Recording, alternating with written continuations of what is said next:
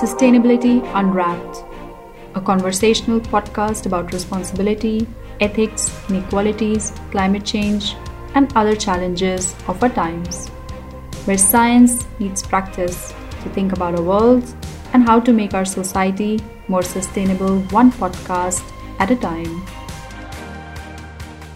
Hello, everyone, and uh, welcome to this episode of the Sustainability Unwrapped uh, podcast.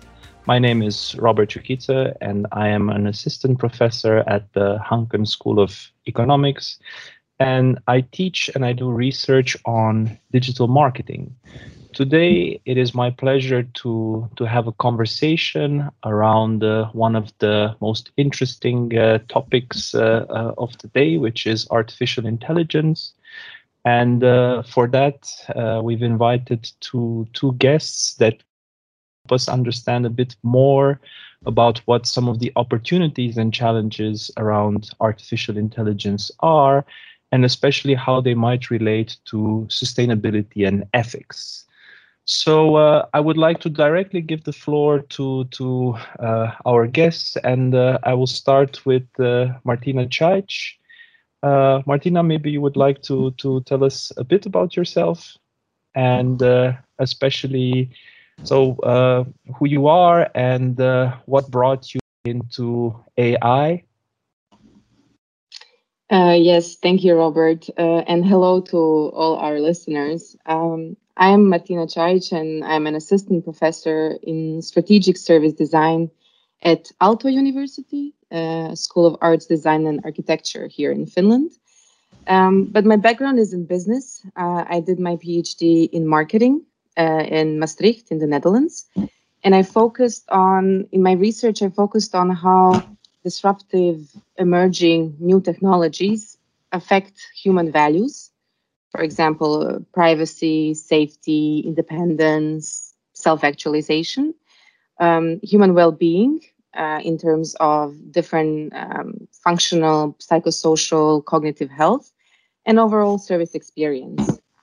In particular, uh, my studies were mostly in elderly care, and I focused on social robots. Uh, these are those type of robots that can kind of behave and look like humans uh, or in human like manners. They can understand facial expressions or um, they can engage in conversations. And uh, they're introduced to different elderly homes um, as, as, as a machine that can help uh, prolong the independence of older adults. And I was really curious to see how elderly people are going to react to these robots and whether they will accept them, whether they will indeed perceive them as as human or social entities. Uh, so that's how I kind of got into the topic of robotics first, and then that extended more into artificial intelligence uh, a bit later on. But as an introduction, I think this is fine. All right, thank you, Martina. So uh, moving from uh, from Finland to the other side of the world, it's my uh, pleasure to introduce uh, Stefano Tempesta. So, Stefano, welcome. And uh, maybe you would like to tell us a bit about yourself and uh, what brought you into AI. Yes, hi, everybody. Thanks, Robert. Well, after Martina's introduction, I can only shy in front of uh, these. But uh, if I can give my contribution, I'm, uh, yes, I'm based in Melbourne, Australia, although I'm originally from Italy. I'm a CTO at Connecting Software and Microsoft Regional Director, which is a, a program of uh, trusted advisors to Microsoft and the community.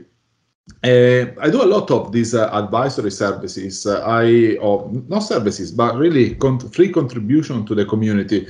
I'm currently uh, advising to the Department of Industry and Science here in Australia on the national blockchain roadmap and my current focus is on helping people really around the world to gain and own their own digital identity with initial specific focus on the education sector.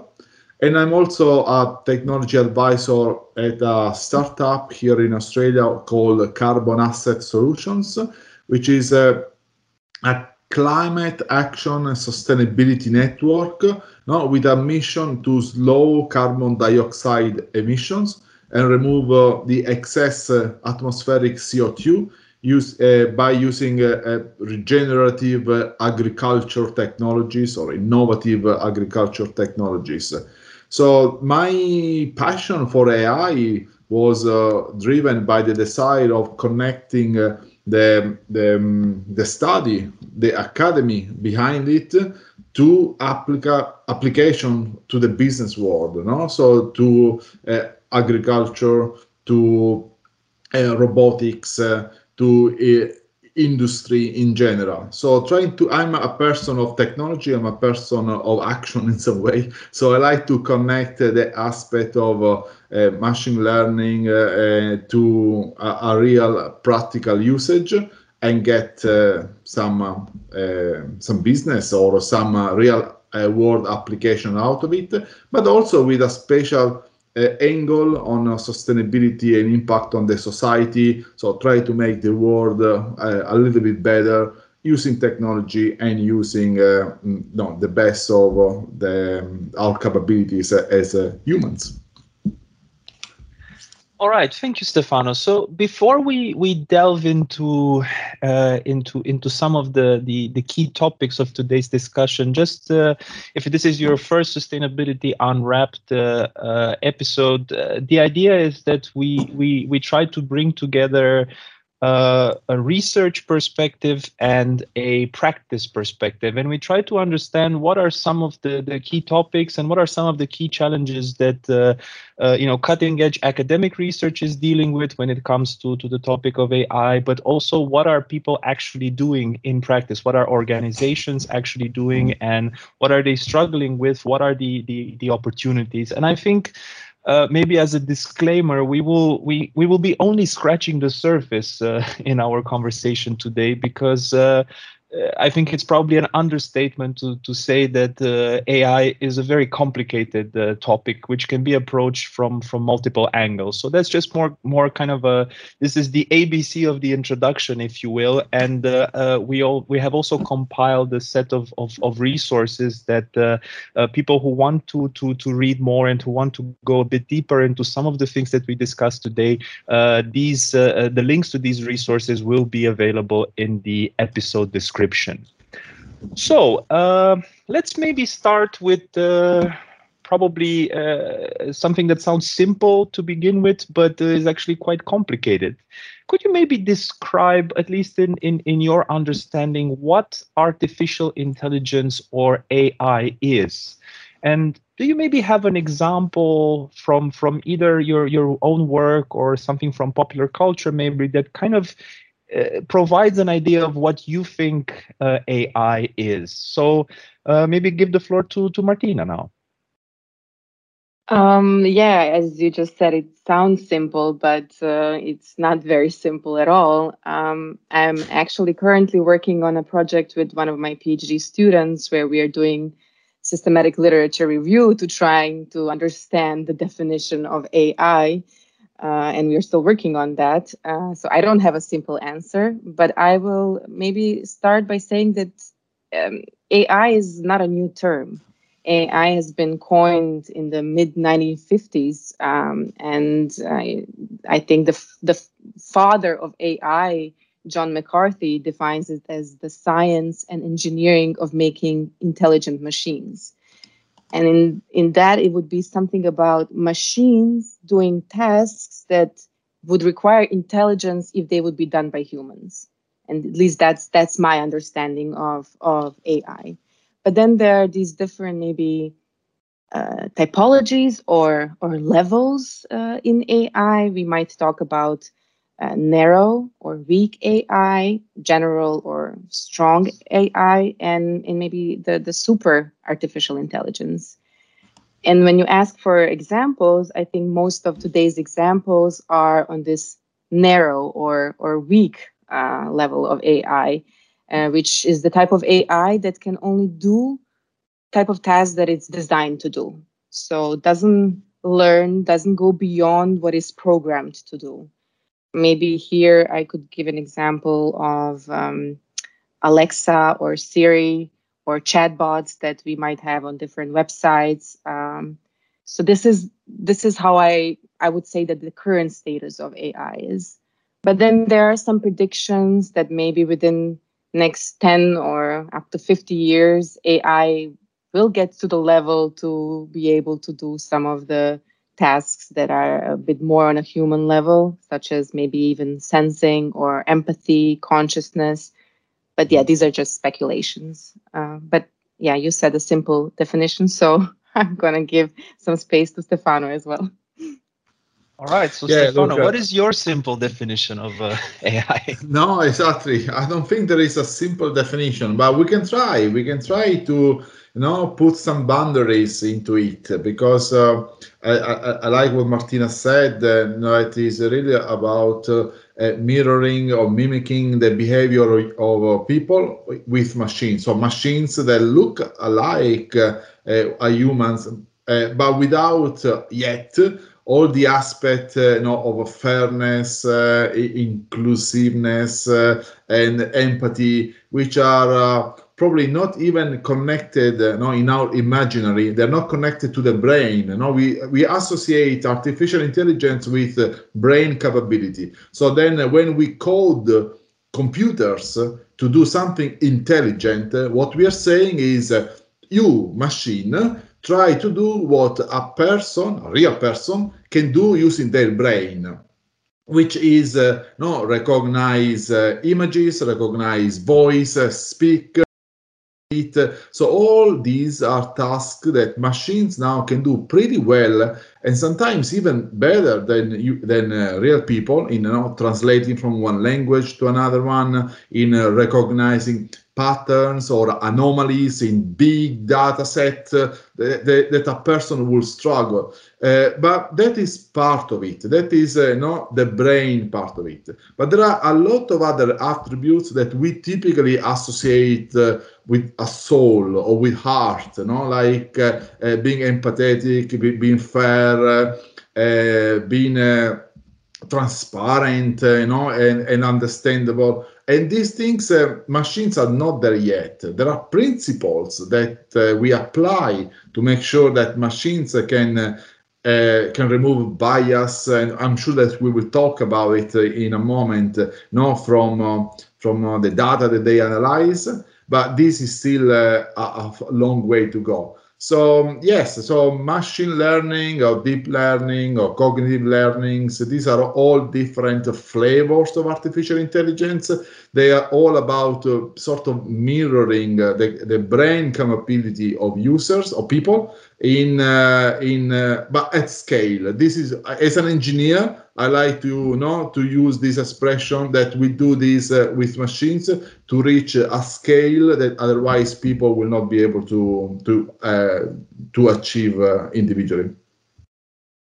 All right, thank you. I think it's extremely interesting, and also in, in, in my role as moderator, I'm going to try to somehow also uh, uh, maybe maybe summarize some of the things that that you were you were saying.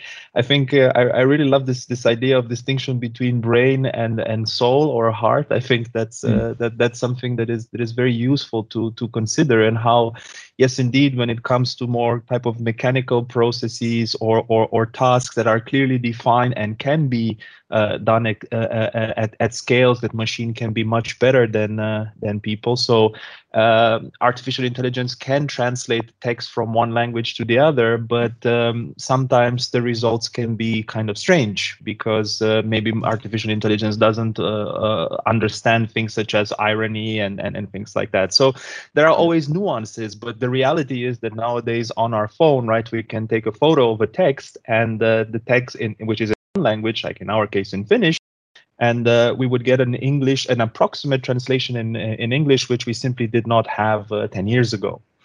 And um, uh, th- th- that's kind of where we are now. Uh, another thing that I found kind of interesting in in, in your uh, let's say in your definitions was that Martina was very much talking about um, and I'm, I'm guessing this is maybe maybe a, a, a bias on, on on on your focus in on, on on users and consumers, but you were talking about technologies that have very much a consumer kind of or an end user sort of focus, right? So you were talking about the type of applications that you would have uh, in your pocket uh, on your smartphone. Um, but so that that would be almost like AI as a as an outcome or some some sort sort of application that people are aware of. But in in what you were saying, Stefano, there was also AI more as a process, so something that is happening in the background that can help applications, right? I'm, I'm not sure that everybody understands that, let's say, image recognition that is used in, um, uh, you know, whenever people have to go on these websites and they're asked which one of these is a bus stop and so on, I'm not mm-hmm. sure they mm-hmm. understand that they're actually training AI and those applications can be used for, let's say, things like self-driving cars. So again outcome versus process and the fact that we have consumer facing applications but we also have background applications that are uh, being used to empower uh, other types of, uh, of, of applications i think we're going to talk about that a bit more but um, I was just looking this morning before starting this conversation. I was looking for some recent statistics on on AI, and um, I, I, found a report on Statista that was uh, talking about the revenue worldwide market of AI around 10 billion US dollars in 2018. And uh, uh, something that I found kind of interesting was the AI contributions to China GDP in 2030 around 26%. So clearly, there is a lot of uh, buzz and a lot of talk about AI, and people are putting a lot of numbers and values and investments in AI and so on.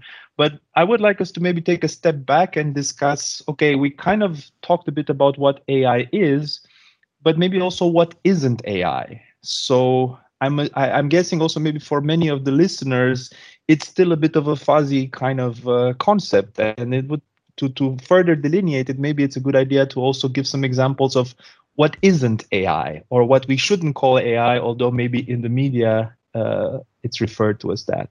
Any thoughts on that?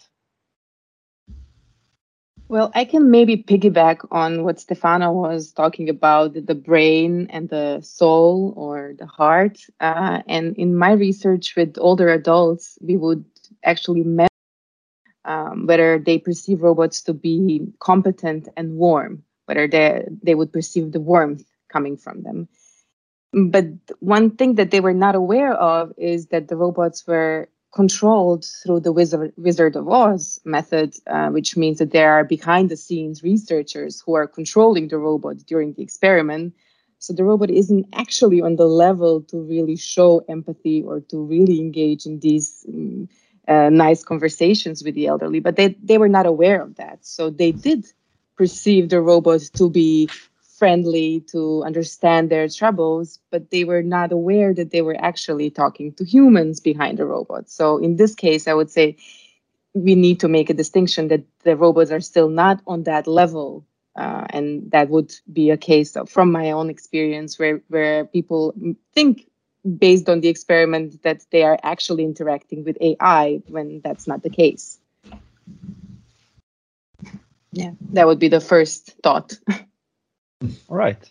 Stefano, any examples from your side of what does not constitute AI? Yes, actually, no. And there is a, um, I do a lot of no, public speaking in the community or just communities and a lot of times uh, people ask me but i have this problem and can i resolve it uh, with uh, some artificial intelligence with some machine learning and uh, i first try to ask uh, do you need no uh, your machines your algorithm to uh, improve accuracy over time to make some prediction based on current conditions over time? That will probably be a good candidate for some form of machine learning. But if you're just automating tasks no, so repeat the task over and over again. And based on some variables, you decide to take one action or the other one. That's not machine learning. That's not AI.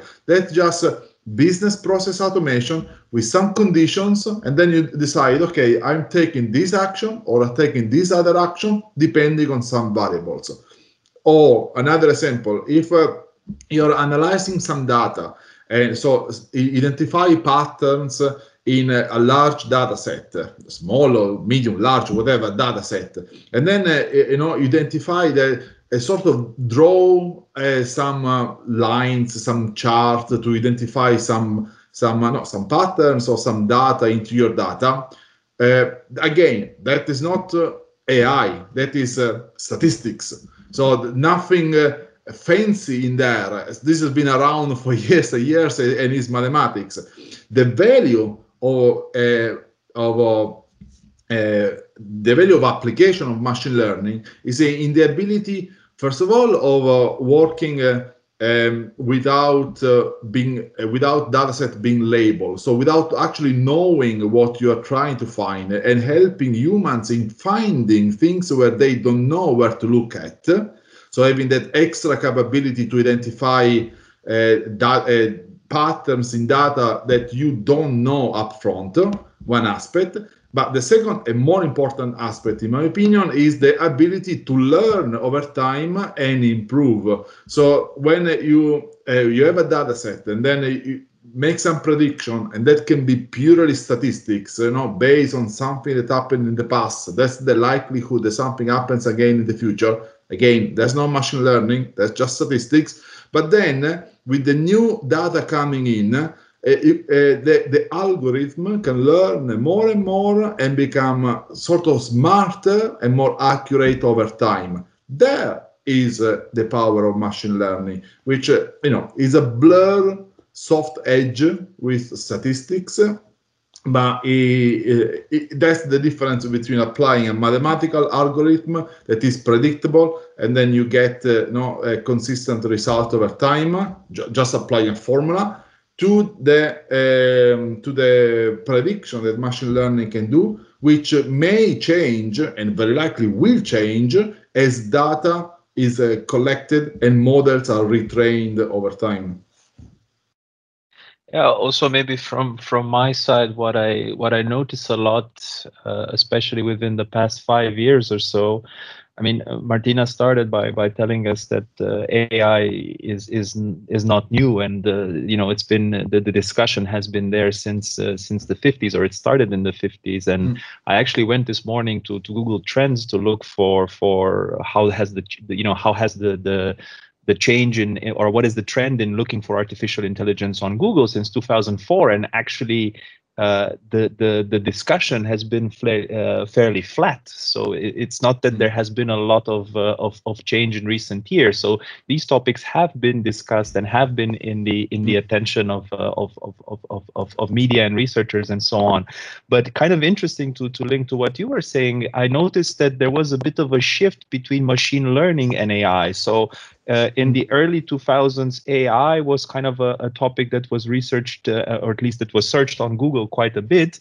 And then machine learning kind of overtook, uh, at least especially mm-hmm. since 2010 and so on. Machine learning actually overtook uh, uh, artificial intelligence as the key uh, uh, search term. So I was wondering, maybe since since you brought it up, Stefano, can you explain maybe for a, for a lay audience what machine learning is and how it works uh, uh, you know for for someone that has never really heard. And because you you also seem to to to talk about machine learning and ai almost uh, interchangeably. And i just want for for someone that's never heard of artificial intelligence and machine learning before what's kind of a a, a, a simple way for them to to think about this and uh, uh, yeah no look you're right. I, I, they're not interchangeable. So artificial intelligence is a broader uh, category, and machine learning is part of it, as well as deep learning or cognitive learning. So they are all uh, sort of uh, branches of a broader artificial intelligence. I tend to speak more in favor of machine learning because that's my area. Uh, I specialize in that uh, section. I do a lot of machine learning, regression, uh, classification. Uh, that is, uh, you know, the area where I find a more uh, tangible application to technology and to business. I, I, guess, you know, to answer your question around, you know, the trend of AI shifting into machine learning. Uh, I guess that uh, most of the uh, buzz around AI in um, a few years ago was especially pushed by uh, by by Hollywood in some way. You know, so creating uh, an expectation that uh, machine, I keep on saying machine learning, that artificial intelligence is uh, you know that uh, superpowers uh, that make you uh, travel time uh, or uh, do some prediction of, on um, on conspiracy or on crime. think at Minority Report, you know, a movie a few years ago, and all these sort of also as Star Wars and these sort of things. You know, seems seems like everything is uh, artificial intelligence. But then, uh, but then what happened is that uh, actually a very specific application of this artificial intelligence capability, machine learning, which uh, is uh, no, a, a, a, an analysis of data to identifying patterns in historical data set to make prediction that something is likely to happen again or a quantity is uh, obtained uh, again. So I think uh, in, uh, think of the Amazon model. No, people that have bought this uh, have also bought this, this, and that. So you can make a recommendation in that aspect. Or uh, given some different conditions, uh, da- large data set that contains uh, I, I, don't think of uh, uh, people that uh, you know want to apply for for a loan in a bank then um, the, what is uh, the, the the risk of uh, lending of to, to you know people that are in different categories. So that is what machine learning is all about. Is about analyzing data data set, identifying data sets that are too large to uh, for humans, for people to make something out of it in a reasonable time. Also able to identifying something that people don't know because uh, we as a no engineer data scientists we know we we know and we don't know what we don't know simple as silly as that, right? Uh, but uh, this is where the, the ability of machine learning is to identify some key components or key, key features that we can't anticipate. So help us finding something that we don't know upfront, and then learn over time and improve. So the what happened then is that this technology actually works and it can be applied know, to some very tangible use cases risk assessment anomaly detection network intrusion uh, object detection uh, voice to text uh, or text uh, uh, transcription text um, voice synthesis. So at the end what happens is uh, hey actually we can apply this technology to do something tangible, to, to get some business out of it. So the shift from Hollywood, which speaks about the beauty or the, the, the big potential of artificial intelligence, into something that uh, can be applied uh, to make money, to make the society better, to create application that people actually use, you know? and uh, Martina mentioned Alexa, Siri, and so on, then the shift is also in terms of interest from people. People don't look now into I don't know, uh, you know, talking to HAL 9000, but actually about building a chatbot that can understand and can provide customer service. That is an application which, in my opinion, is more interesting because it provides a result that I can use now and not just watch a movie about it. Thank you. Uh, thank you, Stefano. And I think that's we can probably continue talking for another hour about the, the distinction and about different machine learning applications. But I think it's important to to to be aware of those distinctions and to to to try to understand. And i'm sure that you you will have some resources for for our listeners uh, in case they want to to to see more and and, and understand more. But uh, i'm also it's it's impossible to talk about ai and not breach this uh, this horde uh, this uh, this this hollywood perspective. And mm-hmm. i would like to turn now a bit to to to martina. So uh, you, you, do work on, on on social robots. So uh, are we are we close to the to the machine uprising or uh, not there yet?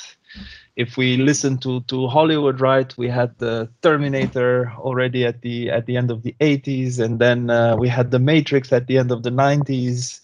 where machines are kind of uh, taking taking over and turning us into their their slaves. So, what do you think? Are we uh, are we moving in that direction or?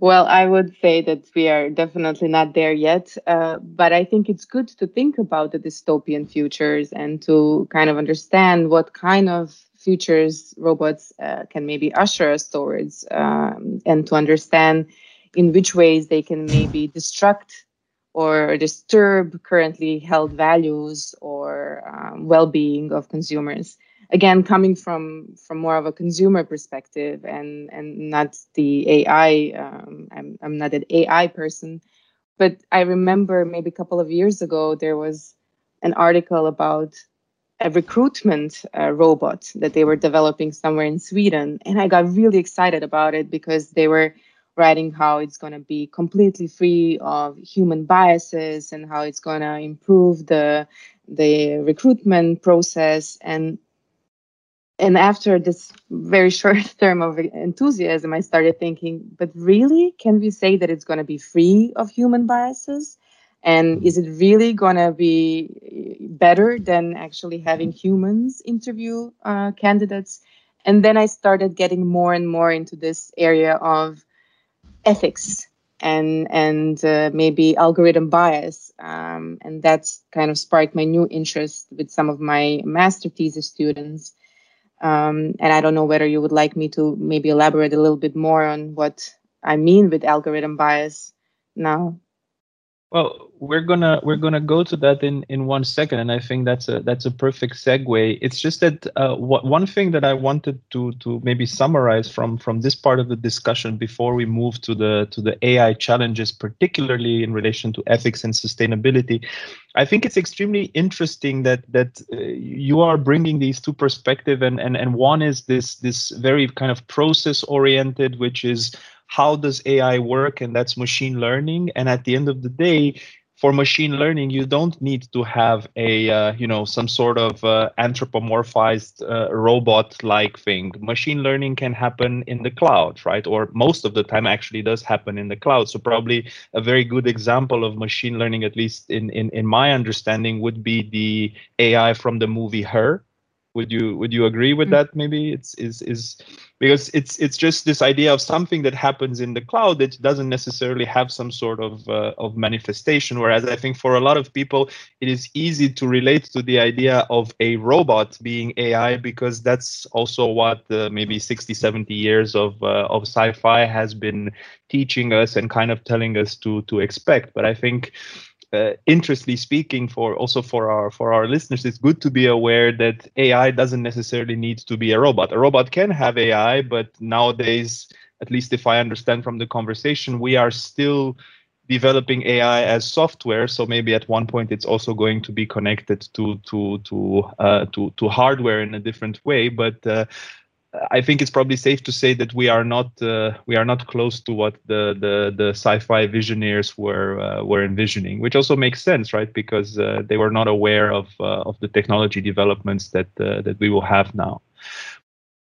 Indeed, I think Martina just started talking about uh, the, the the the issue of of ethics when it comes to AI. And uh, of course, uh, from from her perspective, it was about how a robot can can make a, a, a, a less biased decision um, and and of course, connecting a bit to what also Stefano was saying before, there are all these algorithms, which is again another buzzword around the AI, right? An algorithm that uh, uh, optimizes some sort of decision, and of course, we can consider that the robot from from Sweden was programmed to make those decisions based on some sort of algorithm, right? So, what are what are the challenges of uh, artificial intelligence when it comes to ethics and or sustainability. So maybe you started with ethics martina so you can continue with that. And then uh, stefano you were already discussing uh, sustainability in the in the beginning so maybe you have a, an example for that. So what did you what did you learn about ethics in ai martina? Yes thank you. Um, well for for the algorithm bias which was a term that I got introduced to maybe two years ago, um, and it, it can simply be explained as um, a systematically unfair treatment of uh, a certain group of people in comparison to others uh, based on the algorithm.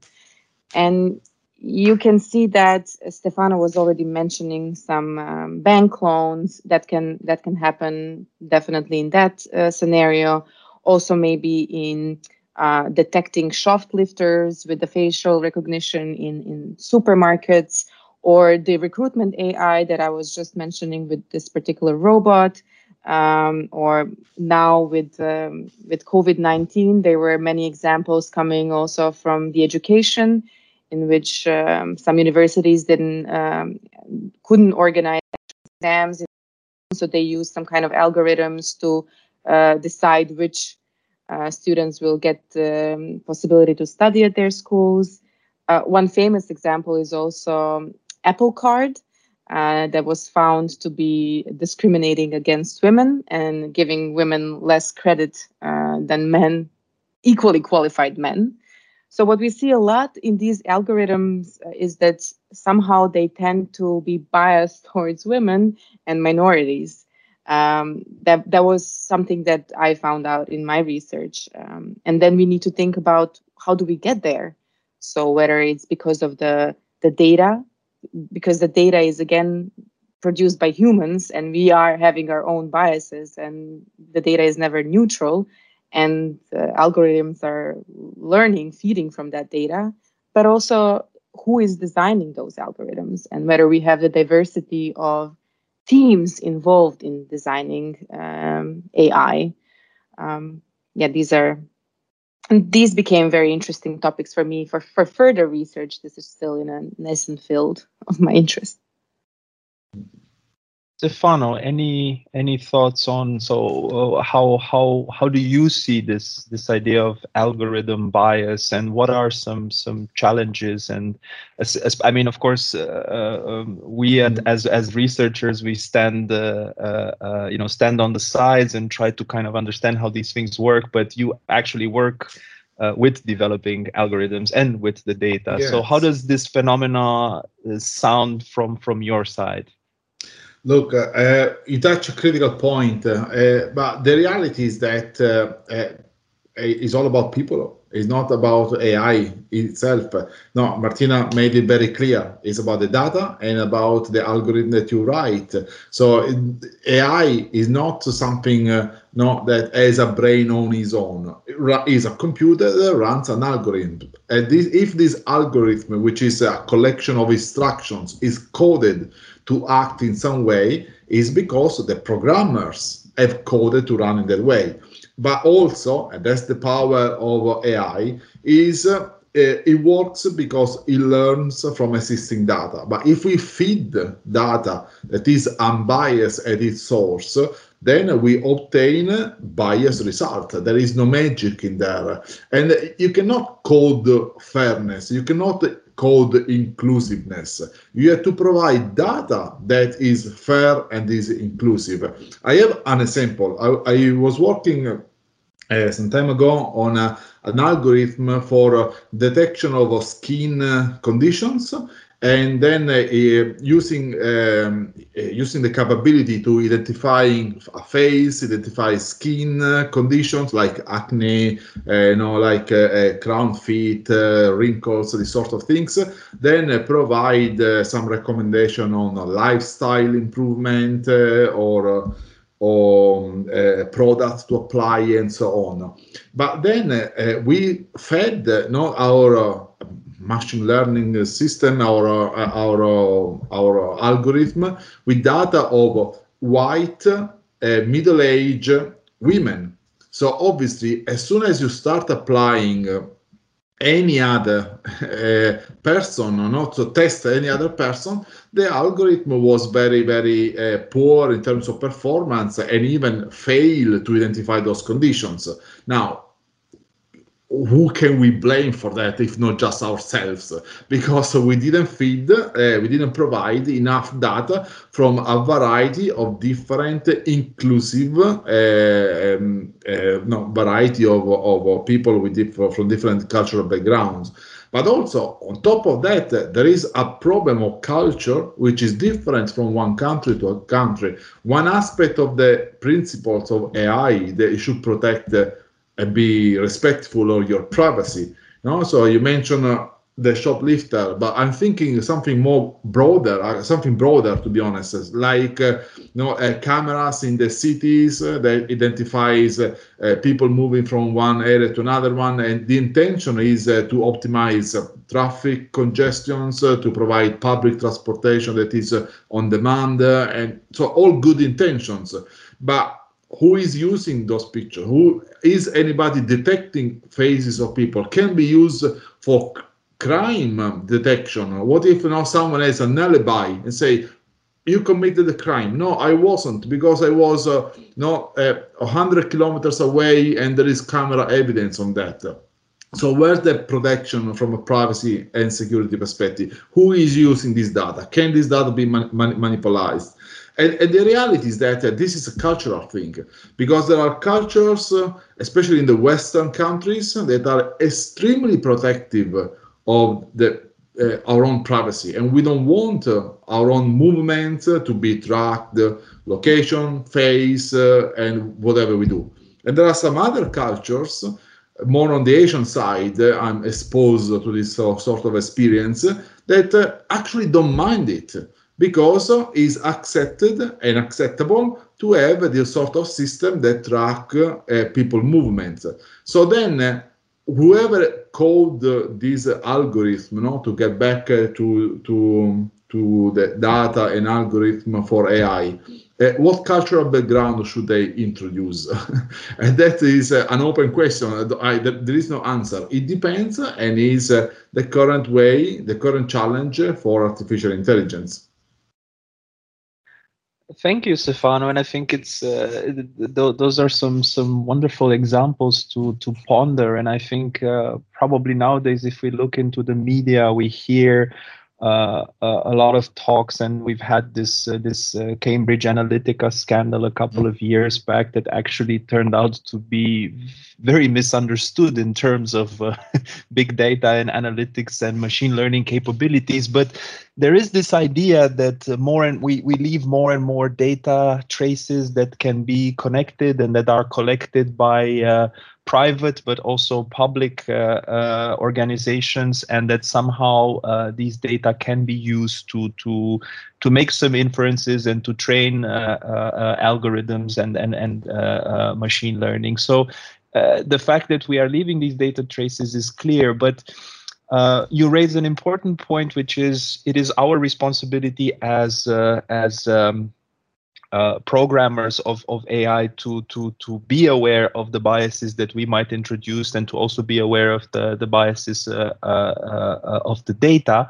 But now I maybe want to to go back to to Martina and ask how do we how do we design ethical AI, or what are some some some principles that we so aside from from the data and the and the algorithm, which seems to almost uh, uh, somehow uh, um, and, and in some cases be very very uh, separate from the actual end user of the consumer. But if we keep the end user in mind is there anything from from your research that you can uh, or from from your experience that you can can think about in terms of designing ethical ai Mm, yeah, from from my research, and I did uh, talk a lot with elderly people and their formal and informal caregivers about some ethical ramifications of introducing social robots in their lives. And mostly they would talk about, as Stefano mentioned, privacy. There's also safety. Um, there is also data management. Uh, maybe there is this fear of um, especially older adults, that they will not be genuinely cared for and that it's all going to be fake and, and it's not, you know, not real emotions that are going to be involved in this. Um, but the topic is really difficult and we don't have any clear standards or principles on how to design ethical AI. I think that there are many initiatives around the world. Uh, different countries started working on separate documents on how to really do that. Um, just this year, um, there was one white paper published by Berkman Klein uh, Center um, at Harvard uh, University, and it's entitled Principled AI. And they uh, detected across all these different initiatives around the world that there are eight um, key areas uh, that we need to work on. And I'm just going to enumerate them now. So these are privacy, accountability, safety and security, transparency and explainability, fairness and non discrimination, human control of technology, professional responsibility, and promotion of human values.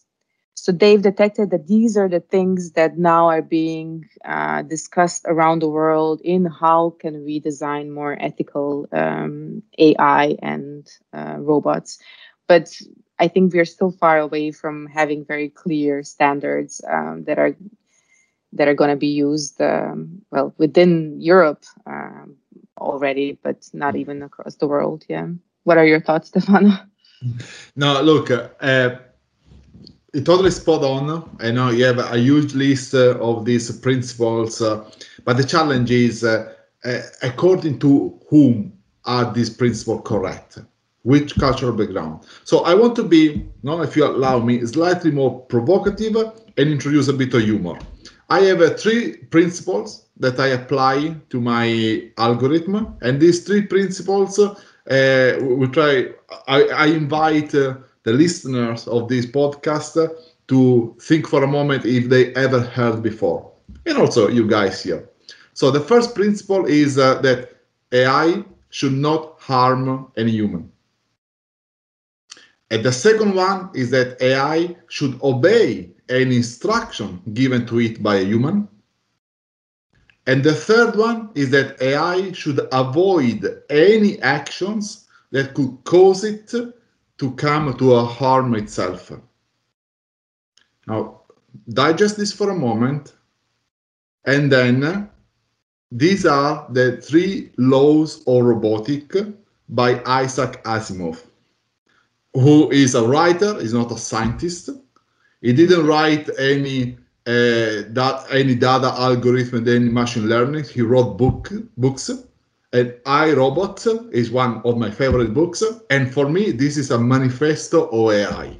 Now, if an AI, well, he said a robot, he didn't say an AI, but if a, a robot, an AI, doesn't harm a human, it doesn't do anything to harm a human and itself, then this is everything because it's fair, is uh, transparent, is inclusive, is uh, safety and reliability, all the other principles. Obviously there is a long journey to get there and to actually implement this uh, in complete uh, in entireness I, I love that you actually brought that because I use Asimov's uh, also laws whenever I'm uh, sharing my research on robotics, and I, I agree. It's actually very simple, uh, yeah, simply stated there, but difficult to yeah, and yeah. Robert is showing That's the book. It. Yeah, yeah. Yes.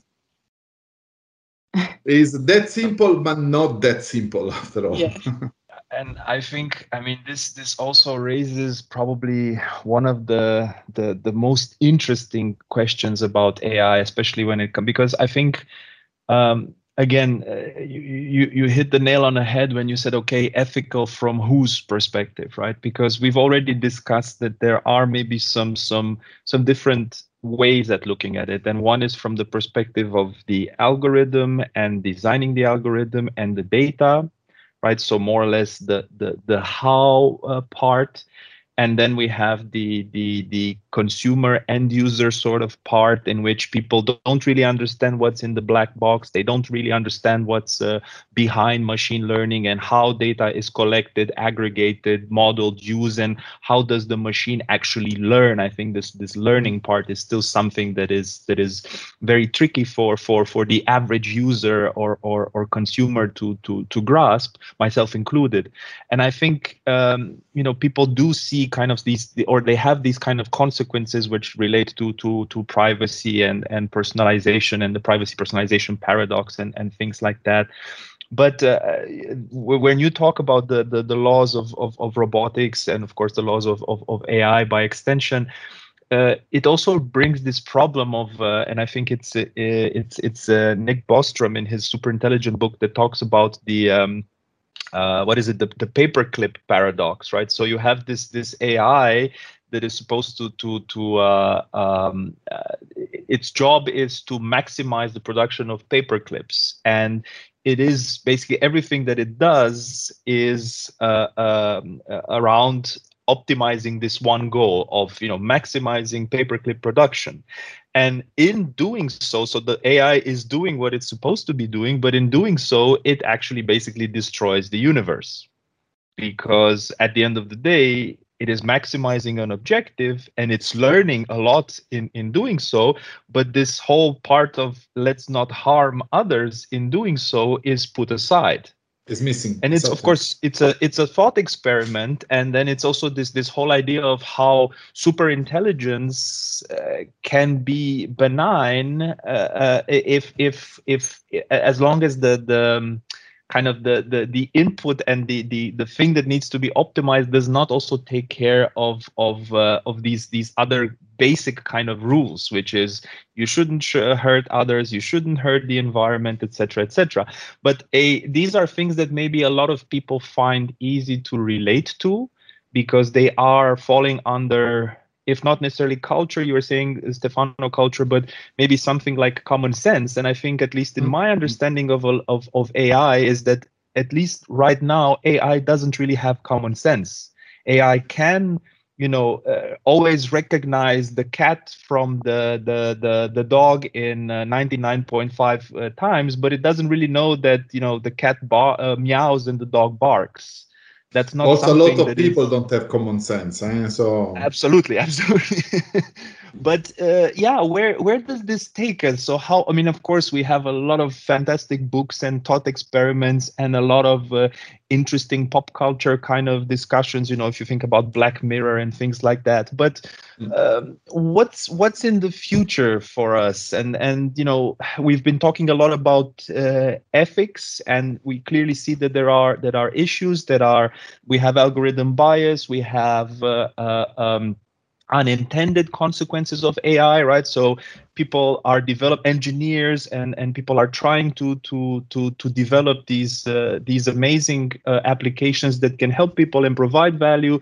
But in doing so, because of intentional or unintentional uh, uh biases, things happen along the way, right? And uh, to the extreme we get with this uh, this this extreme example of the um, a paperclip maximizing uh, uh, AI that basically destroys the, the, the universe in for a very silly reason, which is producing more and more paperclips.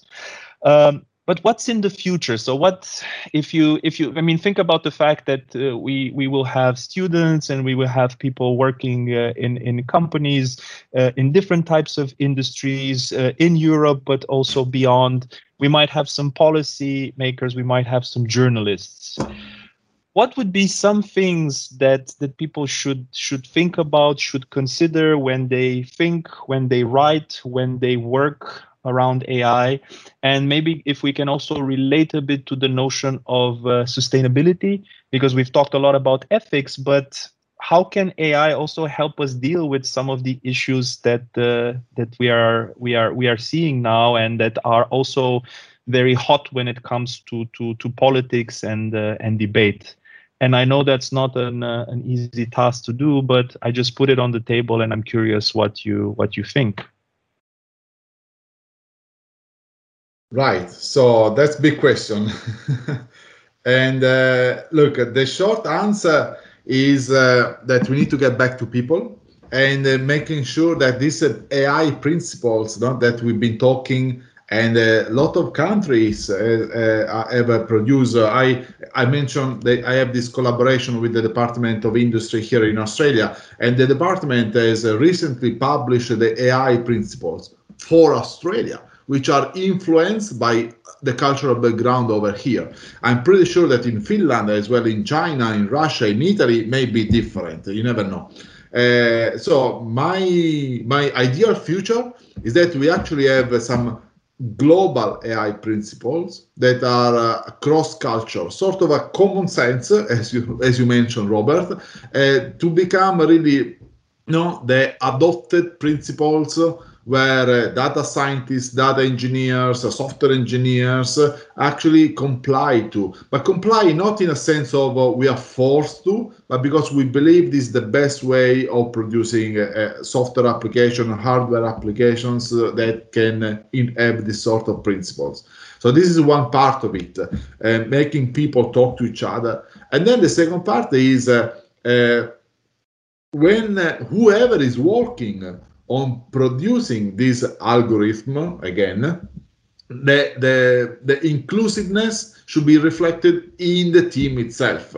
Diversity and inclusive inclusive inclusiveness uh, we've been talking a lot uh, no in different aspects in recruitment no? So making sure that there are uh, there is a, a, recruitment for men and women that is uh, uh, fair. That there are uh, salaries are paid equally between men and female or any other cultural background. It's not just a binary world right so we want to encourage dni but dni applies also to producing AI software and hardware. Because if we have a team that is uh, diverse, the, the output is diverse. Because if someone doesn't think about uh, that there is that aspect to consider, then you can't blame the team. They just didn't know. And then the output is an algorithm, a software application that didn't have that consideration in mind. So we need to start uh,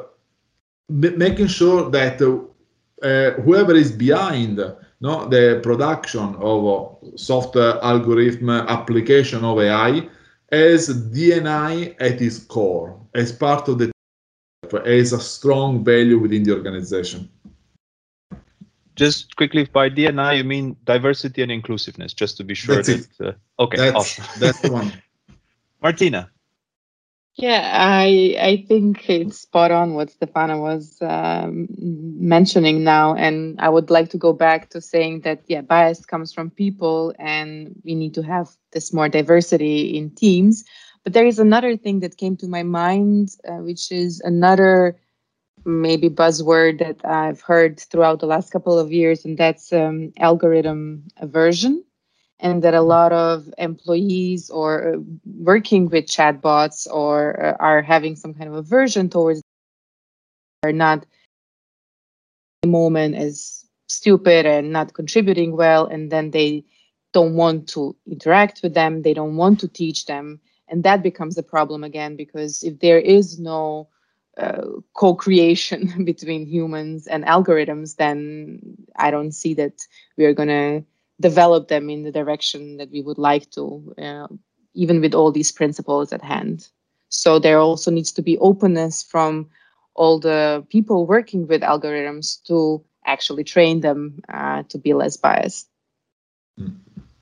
Yep, totally and, agree. Uh, yep maybe maybe as a to to kind of push the the conversation to to to the end. So we we live in in interesting times uh, whether we we we like to or not. And uh, we are exposed to to unprecedented developments in this uh, information and communication technology when it comes to digital platforms when it comes to data when it comes to to uh, analytics and and uh, machine learning and and applications. And uh, um, we are still in the point where we are we are just again just scratching the surface and try to figure out how these things work and uh, what's going to happen. But in a in an ideal future what would you how do how do you, how would you say you know if if if uh, we don't manage to to blow ourselves up by 2050 how does how do humans and and AI live and work together in 2050? Again, uh, you have uh, absolute full creative rights on on this. And uh,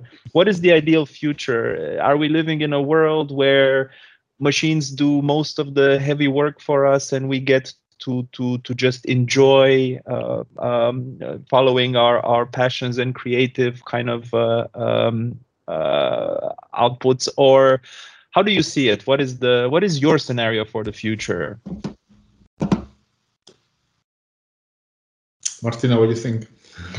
Thanks for giving me the stage. Uh, yeah, I I always like to think that I would, you know, I just don't want the society to be oppressed by robots and and AI. That we somehow get to the future in which we can cohabit, we can learn from each other, we can co-create, uh, and it's it's a better future. It's not that we are yes. gonna be yeah walked the robots and machines. Yes, I think that's that's a very simple, uh, but that's what I hope for. Exactly. Look, uh, we can come out with a lot of uh, scenarios that would be an incredible plot for some Hollywood movies, but uh, I honestly don't want that. uh, what what I want is that we apply AI for good purposes, for protect the environment, for re- resolving or minimizing the risk uh, connected to climate change, for preventing situations as we had this year, where we are all able know, to uh, uh, anticipate uh, uh, risk connected to uh, pandemics. And I can think of application of AI for good uh, that uh, you know in um, 20 years or 30 years from now can give sight to the blinded, can give voice to people that cannot speak, can improve the mobility of people or make people that live in areas of war or no, emerging countries uh, access to education identity that we don't have now not strictly connected to uh, ai but uh, our report from uh, WHO is uh, that there are over a billion people that live without an identity. And uh, this means they don't have any form of access to any sort of services, education, employment, and so on. And I'm not talking about digital identity, your Facebook account. Here I'm talking your identity, your credit, your um, identity card, your passport. So they are people that don't exist. A billion is one in seven of the popul- the worldwide population. So and this is the challenges that we need to address. And I, and I want to see robots, AI, helping also in uh, pro- protecting our cultural heritage. We are more and more global. Uh, we are easy to move around, probably a bit less this year, but you know we, we move around uh, very much and we live everywhere. Where is uh, where are our roots, our cultural background going? So again, AI program that can help preserve languages, preserve culture, preserve and help people that cannot travel uh, also have the possibility to actually immerse themselves into traveling. A dream of mine, if I can really put the last word on, a dream here, is uh, the possibility to create. Uh, um, uh, augmented reality or virtual reality where we can immerse ourselves and travel to places and explore places without actually going there because yes it's not the same i agree but our carbon footprint can be reduced and we still enjoy the experience and we meet people uh, from everywhere and every site. That is a good application of ai in my opinion